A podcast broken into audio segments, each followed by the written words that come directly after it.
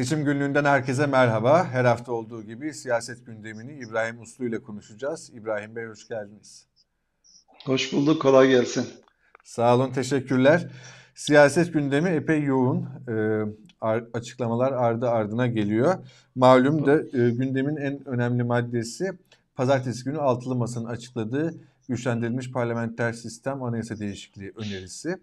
Ee, buna hemen ertesi gün AKP'den bir cevap geldi. Dün Bahçeli, bugün e, Cumhurbaşkanı Erdoğan grup toplantısında e, bu anayasa değişikliği e, önerisini hedef aldı.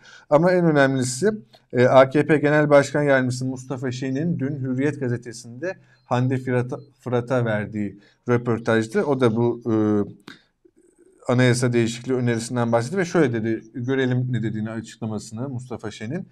Cumhurbaşkanlığı sisteminin revize edilebileceğini söylüyoruz.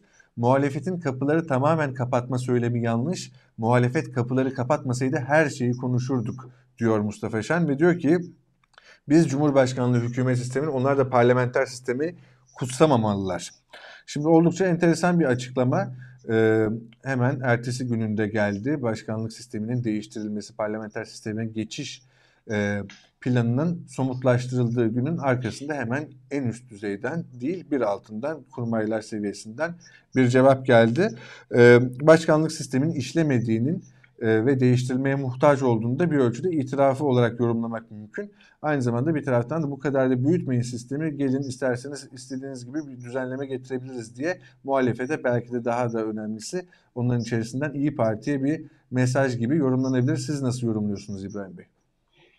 Yani aslında e, bu başkanlık yılının e, birinci başkanlık e, şey başkanlık sistemine geçtikten bir yıl sonra birinci yıl dönümünde hatırlayacağınız gibi Sayın Cumhurbaşkanı bir komisyon kurduğunu anons etti.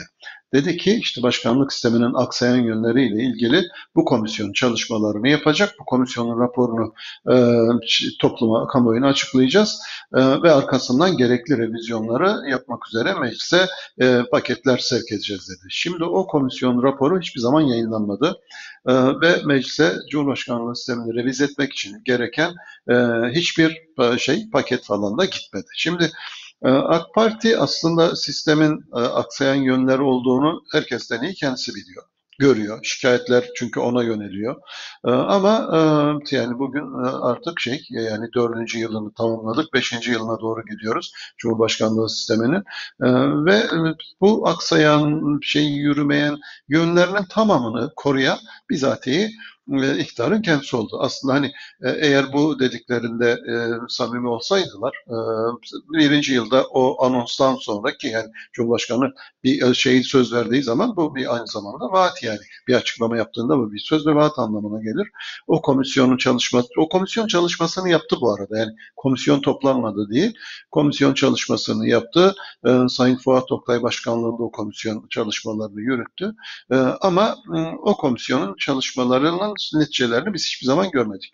Demek ki AK Parti'nin e, şey e, ve o komisyon çalışmalarından bir sürü revizyonun önerisi geldiğine dair o dönemde kulis bilgileri medyaya falan da sızmıştı.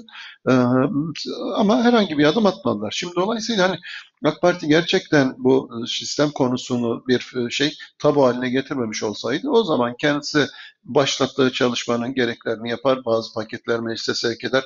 Ha o zaman muhalefet buna itiraz etseydi, sistemin iyileştirilmesi yönündeki çabalara katkı vermeseydi, muhalefeti eleştirebilirdiniz. Ama böyle bir sizin hiçbir şey girişiminiz olmadı. Ondan sonra muhalefete şimdi söyleyeceğiniz bir şey yok yani. Aynı sistemi 5 yıldır e, koruyorsanız e, ve ön, şu an içinde herhangi bir revizyon önerisiyle gelmiş değilseniz e, muhalefette kendi sistemini e, güçlendirilmiş parlamenter sistemi açıkladı. Çalışmasını yaptı. Yani tam bir yıldır bunun üzerinde çalışıyorlar ve işte o dokümanları e, bir yılı geçti hatta. ilk toplu görüşmeler Eylül ayında olmuştu. İlk toplantı Ekim ayında olmuştu. E, şimdi aralığa giriyoruz. Dolayısıyla 13 ay bunun üzerinde çalıştılar. Önce modeli modellediler. Arkasından bunun e, anayasal e, çerçevesini yaptılar. Şimdi yasal reformlar, gerekli yasal reformlar üzerinde çalışılıyor. Muhalefet kendi çalışmasını yapıyor. Bittikçe de duyuruyor. Ama iktidarda herhangi bir çalışma, evet bir çalışma yapıldı bundan 4 yıl önce ama ne onu duyabildik ne de e, ihtar gücünü kullanarak bunları hayata geçirmek için herhangi bir adım attı. O yüzden hani şimdiden sonra bu sözlerin söylenmesinin bir siyasi karşılığı var mıdır? Bana soracak olursanız yoktur. Yani e, bu, bu şimdi bir hafta sonra, bir ay sonra işte başkanlık sistemini revize etmek için şu şu önerilerle geliyoruz derlerse tamam eyvallah bu söylediklerimi geri alabilirim. Ama ben öyle bir şey olacağını zannetmiyorum. Bunun bir emaresi falan filan da yok. E, sadece Mustafa Şen'in e, ya temennileri ya da e, işte şey yani e, gündem yönetme çabası olarak bu değerlendirilebilir. Bunun bir siyasi şey realiteyi temsil etmiyor yani şu an itibariyle. Evet, e, Meral Akşener e, sanırım Mustafa Şen'in bu açıklamalarına binaen tabii dün e, Bahçeli'nin grup toplantısında söylediklerine de binaen söylemiş olsa gerek. E, meclisin etkin denetimi deyince iktidardakileri bir rahatsızlık alıverdi dedi. E, bundan öncesinde e, Sayın Erdoğan dediği gibi bunlar daha iyi günlerin daha yeni başlıyoruz dedi. Oldukça dolu konuştu. Tabii Bahçeli de Erdoğan da hedef aldı bu anayasa değişikliğini ama Meral Akşener'in bugünkü açıklaması, grup toplantısındaki konuşması mesajlarla doluydu. Sadece bu anayasa değişikliği önerisi meselesinde değil, çok daha çarpıcı bir tarafı var. Ee, bunu sizinle konuşmak istiyorum. Ee, partililere yönelerek şimdi gösterebiliriz arkadaşlar Meral Akşener'in açıklamalarını. Partililerine şöyle dedi. Böylesine önemli bir süreçte bizi birbirimize düşürmeye çalışanlara, dayanışma ruhumuzu hedef alanlara, yolumuza tuzaklar kuranlara karşı birlikte ve dimdik durmalı, kutlu hedefimiz etrafında sımsıkı kenetlenmeliyiz. Bu hassasiyete iyiler ailesinin bu temel şiarına uymak istemeyenlerin ve bu ağır yükü taşımaktan imtina eden yufka yüreklerin kutlu yolculuğumuzda yeri yoktur, asla da olmayacaktır dedi. De, e, devamında da e, dün biz yolumuzdan döndürmedikleri gibi bugün de başaramayacaklar. Benimle beraber yürümeye hazır mısınız dedi. E, ve hızlıca şöyle yorumlandı. E, bir süredir devam eden Yavuz Ağıralioğlu'nun Kılıçdaroğlu'nun adaylığı üzerine söylediği sözler ve ardından Engin Altay'la girdiği e, atışmaya e, cevaben bir Ağır Alioğlu'nu hedef alan bir mesaj hem parti içine hem de belki de parti dışına yönelik artık e, İyi Parti'nin masadan çekilip çekilmeyeceğine dönelik e, tartışmalara noktayı koyan, masanın birliğini, beraberliğini, e, dayanışmasını vurgulayan bir mesaj olarak yorumladık biz. Siz ne dersiniz İbrahim Bey? Doğru ben de aynı şekilde yorumladım. Fakat burada sorun şu. Aslında Sayın Akşener bugüne kadar ne zaman e, sorulduysa bu konu her seferinde bizi o masadan hiçbir e, kimse kaldırmayacak. Biz o masadan kalkmayacağız dedi. Yani burada da çok net bugün de aynı netlikte bu mesajları verdi. E, benim gördüğüm ama bu mesajlara rağmen işte bir taraftan paralel başka süreçler de yürüyor ve o o süreçleri belki bugün kesmek için yani bir daha bu işlere tevessül eden olursa onunla yollarım ayırırım şeklinde bir üst dil kullanmak zorunda kaldı. Yoksa zaten bugüne kadar bir düşüneceğiz bakalım belki kalkarız falan şeklinde tereddütlü tek bir ifadesi bile yok Sayın Akşener'in. Her seferinde çok güçlü biçimde biz o masadan asla kalkmayacağız. Bizim masadan kimse kaldıramaz falan gibi hani tevhile hiç e, şey imkan bırakmayan cümleler kurdu. Fakat ona rağmen Birileri bu tartışmayı sürdürmeye devam etti. E, bu seferki o açıdan değerliydi. Bu artık onlarla birlikte yol arkadaşlığı yapmayacağım dedi. Bugüne şu ana kadar böyle bir tehditte bulunmamıştı. E, bu çok net bir mesaj. Bugünden sonra e, inşallah bu tartışmalar sona erer. Çünkü masanın önünde gerçekten çok önemli aşamalar var. Çok önemli e, şeyler kritik e, eşikler onları bekliyor. Ne? Bunlardan birincisi için bu anayasa paketi konusunda uzlaşma önemli bir işti. Bu eşiği aştılar. Büyük bir başarı bence. İkincisi e, ortak hükümet programı. Onu hazırlıyorlar. Bitmek üzere. Dün de buna göndermeler falan vardı yine. Ee, bu şey Aralık ayı içerisinde e, şeyin ortak hükümet programının da tamamlanması bekleniyor. O da, o da yine çok müthiş bir şey iş olacak. Çünkü altı partinin iktidara geldiğimizde neler yapacağız konusunda uzlaşabilmeleri e, ki çok sayıda başlık var yani ekonomiden dış politikaya, güvenlikten, sayışe, işte Kürt meselesinden sosyal politikalara, ulaşımdan sağlığa, eğitime yani aklınıza gelebilen e, bir kamu hayatında, bir devlet hayatında e, şey nelere ihtiyaç varsa tamamına dair programlar açıklamak zorundalar. Çünkü vatandaşın çok sayıda sorunu var. Ülke çok şey önemli bir şeyde jeopolitiğe sahip. E, dünya önemli bir şeyden kırılma döneminden geçiyor falan. Şimdi bu dönemde bir hükümet programı açıklıyorlar ve uzlaştılar. büyük ölçüde uzlaştılar. Benim gördüğüm sorun kalmadı. Şu ana kadar en azından şurada uzlaşamadılar, burada bir tartışma çıktı falan şeklinde bir kulis bilgisi de sızmadı. Ee, bunu bitirdikten sonra arkasından koalisyon protokolü onları bekliyor. Yani görev, yetki, sorumluluk paylaşımları nasıl olacak? Ondan sonra da e, Cumhurbaşkanı adayının belirlenmesi gerekiyor. Yani e, zor işler, geriye çok zor işler kaldı. O yüzden daha o zor işlere başlamadan bu şey tartışmaların yaşanması seçmende de siyaseti yakından takip edenlerde de e, bir şey yarattı, e, tedirginlik yarattı doğal olarak.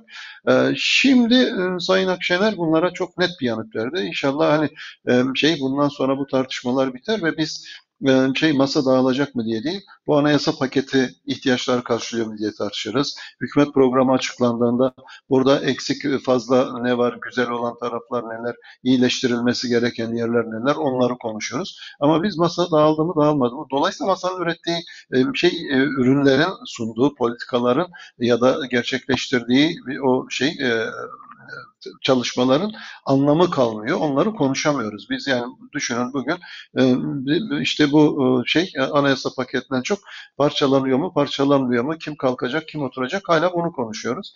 Bu bence masaya yapılan en büyük kötülük. Oysa ki masa çok büyük bir emek ürünü. Büyük bir şey fedakarlık ürünü aynı zamanda da yani her parti kendince fedakarlıklar yapıyor orada oturabilmek için. Çünkü her partinin tabanından niye orada oturuyorsunuz diyen ya da partilerin teşkilatlarından bu tür baskılar geliyor. Gelmiyor değil ben biliyorum yani şey ve bunu liderlerle sohbetlerinizde de kurmaylarla sohbetlerinizde de e, hemen şey gözlemleyebiliyorsunuz.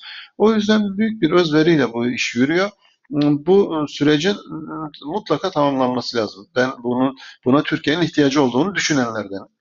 Ee, o yüzden Sayın Akşener'in bugünkü çıkışını ben çok değerli, kıymetli buluyorum.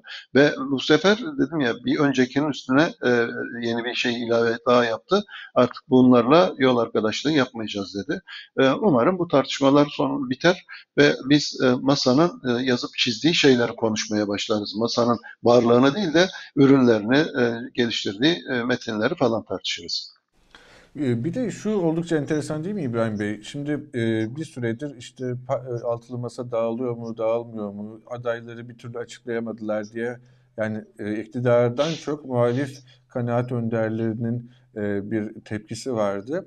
Ama buna mukabil olarak hani heyecan e, uyandırması beklenmeyen e, ve aslında içerik itibariyle de hiçbir sürpriz maddesi olmayan anayasa değişikliği önerisinin açıklanması bile iktidar e, partilerini hem AKP'yi hem MHP'yi adeta bir savunma pozisyonuna çekti ve e, en sert şekilde e, saldırmaya başladılar. Üstüne üstlük de bu e, tabii Meral Akşener'in açıklamaları da oldukça etkili oldu ama bir tekrar parti bir araya geldi ve harekete geçiyor. Tekrar o dinamik e, iktidara saldıran e, rüzgarı tekrar yeniden yaratıyormuş gibi bir hissiyat bu hafta içerisinde bile oluştu. Ne dersiniz bu? Yani önümüzdeki Öyle tabii tabii. Yani, o e, duygu daha da yükselecek sanırım. Masanın, masanın e, büyük avantajlar var. Masa istediği zaman siyasete ağırlığını koyabiliyor. Niye? Bir kere şey seçmenin büyük bölümünü elinde tutuyor. İki, muhalefet havuzu e, toplamda baktığınızda iktidar havuzundan çok daha büyük ve muhalefet havuzu doğal olarak kendini yani masanın dışındaki muhalefeti kastediyorum. Onlar da kendilerini e, özellikle seçmenler bazında düşündüğünüzde Cumhur İttifakı'ndan çok altılı masaya yakın hissediyorlar. Dolayısıyla masanın gücü çok yüksek. Masa önemli olan masanın bu gücün farkında olması. Ee, ve bu gücü e, zaman zaman siyasi gündemi belirlemek, şekillendirmek, siyasetin gidişatını yönlendirmek için bütün ağırlığıyla kullanabilmesi. Benim gördüğüm e, masanın, bir sürü insan masanın öneminin ve gücünün farkında değiller. Liderleri kastetmiyorum. Bu biraz önce bahsettiğiniz hani e, benim muhalefete muhalefet eden muhalifler diye şey yaptığım biraz yani ironik bir şekilde ifade ettiğim hmm, şey kitlenin bunu anlaması lazım. E, o masa gerçekten önemli bir proje birincisi. İkincisi masanın büyük bir gücü var. Masa şu an siyasetin en dominant gücü en dominant aktörü E, ve masa e, istediği zaman e, siyasetin gündemine ağırlığını koyabilecek mekanizmalara e, ve e, kanallara sahip. E, şimdi işte bu, e, anayasa paketi çıktı. Bir süre sonra bu anayasa paketinin iletişimini göreceğiz. E, Şimdi Aralık ayı içerisinde ortak hükümet programı çıkacak. Onu çok konuşacağız mesela ortaya çıktığında. E, şey e, herkes onu uzun uzun tartışmak zorunda kalacak. E, CHP'nin bu arada açıklayacağı bir vizyon belgesi var. Bu hafta mesela şey gündemi belirleyen dolayısıyla iktidar kanadından çok e, muhalefet kanadı olmuş oldu. Bu haftanın gündemi hakikaten şeydi pazartesiden bu tarafa en azından 3 gündür e, biz muhalefet konuşuyoruz. E, Cumartesi günü tekrar e, CHP'nin açıklayacağı belgeyi konuşacağız. Belki çok gerçekten e, ilginç sarsıcı şeyler olacak. Onu uzun zaman konuşacağız. Arkasından ortak hükümet programı çıkacak falan. E, o yüzden e, şey burada karamsarlığa, kötümserliğe kapılacak bir şey yok. E, liderler zaman zaman e, duruma e, şey el koyduklarında atmosfer bir anda değişiyor. Ama liderler biraz susup da e, şey başka insanlar e, konuşmaya başladığında bazen bu bir kötümserlik yayılabiliyor. Hmm, Bence şey yani masanın ma- masa zayıf, masanın gücü hiçbir şeye yetmiyor. E, masa kırılgan falan şeklindeki yorumlar ya da masa ne yaptı ki şeklindeki yorumlar ve realiteyi okumaktan uzak yorumlar. Yani sadece kötümser olarak falan değerlendirmiyorum. Bence realiteyi okuyamayan yorumlar. Realiteyi yanlış okuduğu için böyle değerlendirmeler yapılıyor. Kötümserlik nedeniyle falan değil. E, realiteyi zaman zaman liderler ya da masa total olarak hatırlatıyor. Hatırlatıldığında da bir anda atmosferin değiştiğini görüyoruz. O yüzden masayı küçümsememek, hafife almamak lazım. Ben siyasetteki en dominant gücün tekrar söyleyeyim e, hala altılı masa olduğunu düşünüyorum. Teşekkürler. Dediğiniz gibi seçime kadar daha çok konuşacağız. Muhalefetin hamleleri peyderpey geldikçe de sanırım gündem daha da yoğun olacak ve sizinle her hafta değerlendirmeye devam edeceğiz. Teşekkürler İbrahim Bey. İnşallah. Ben teşekkür ederim. Hoşçakalın. Hoşçakalın. Her hafta olduğu gibi İbrahim Uslu ile gündemi değerlendirdik. Bizi izlediğiniz için teşekkürler.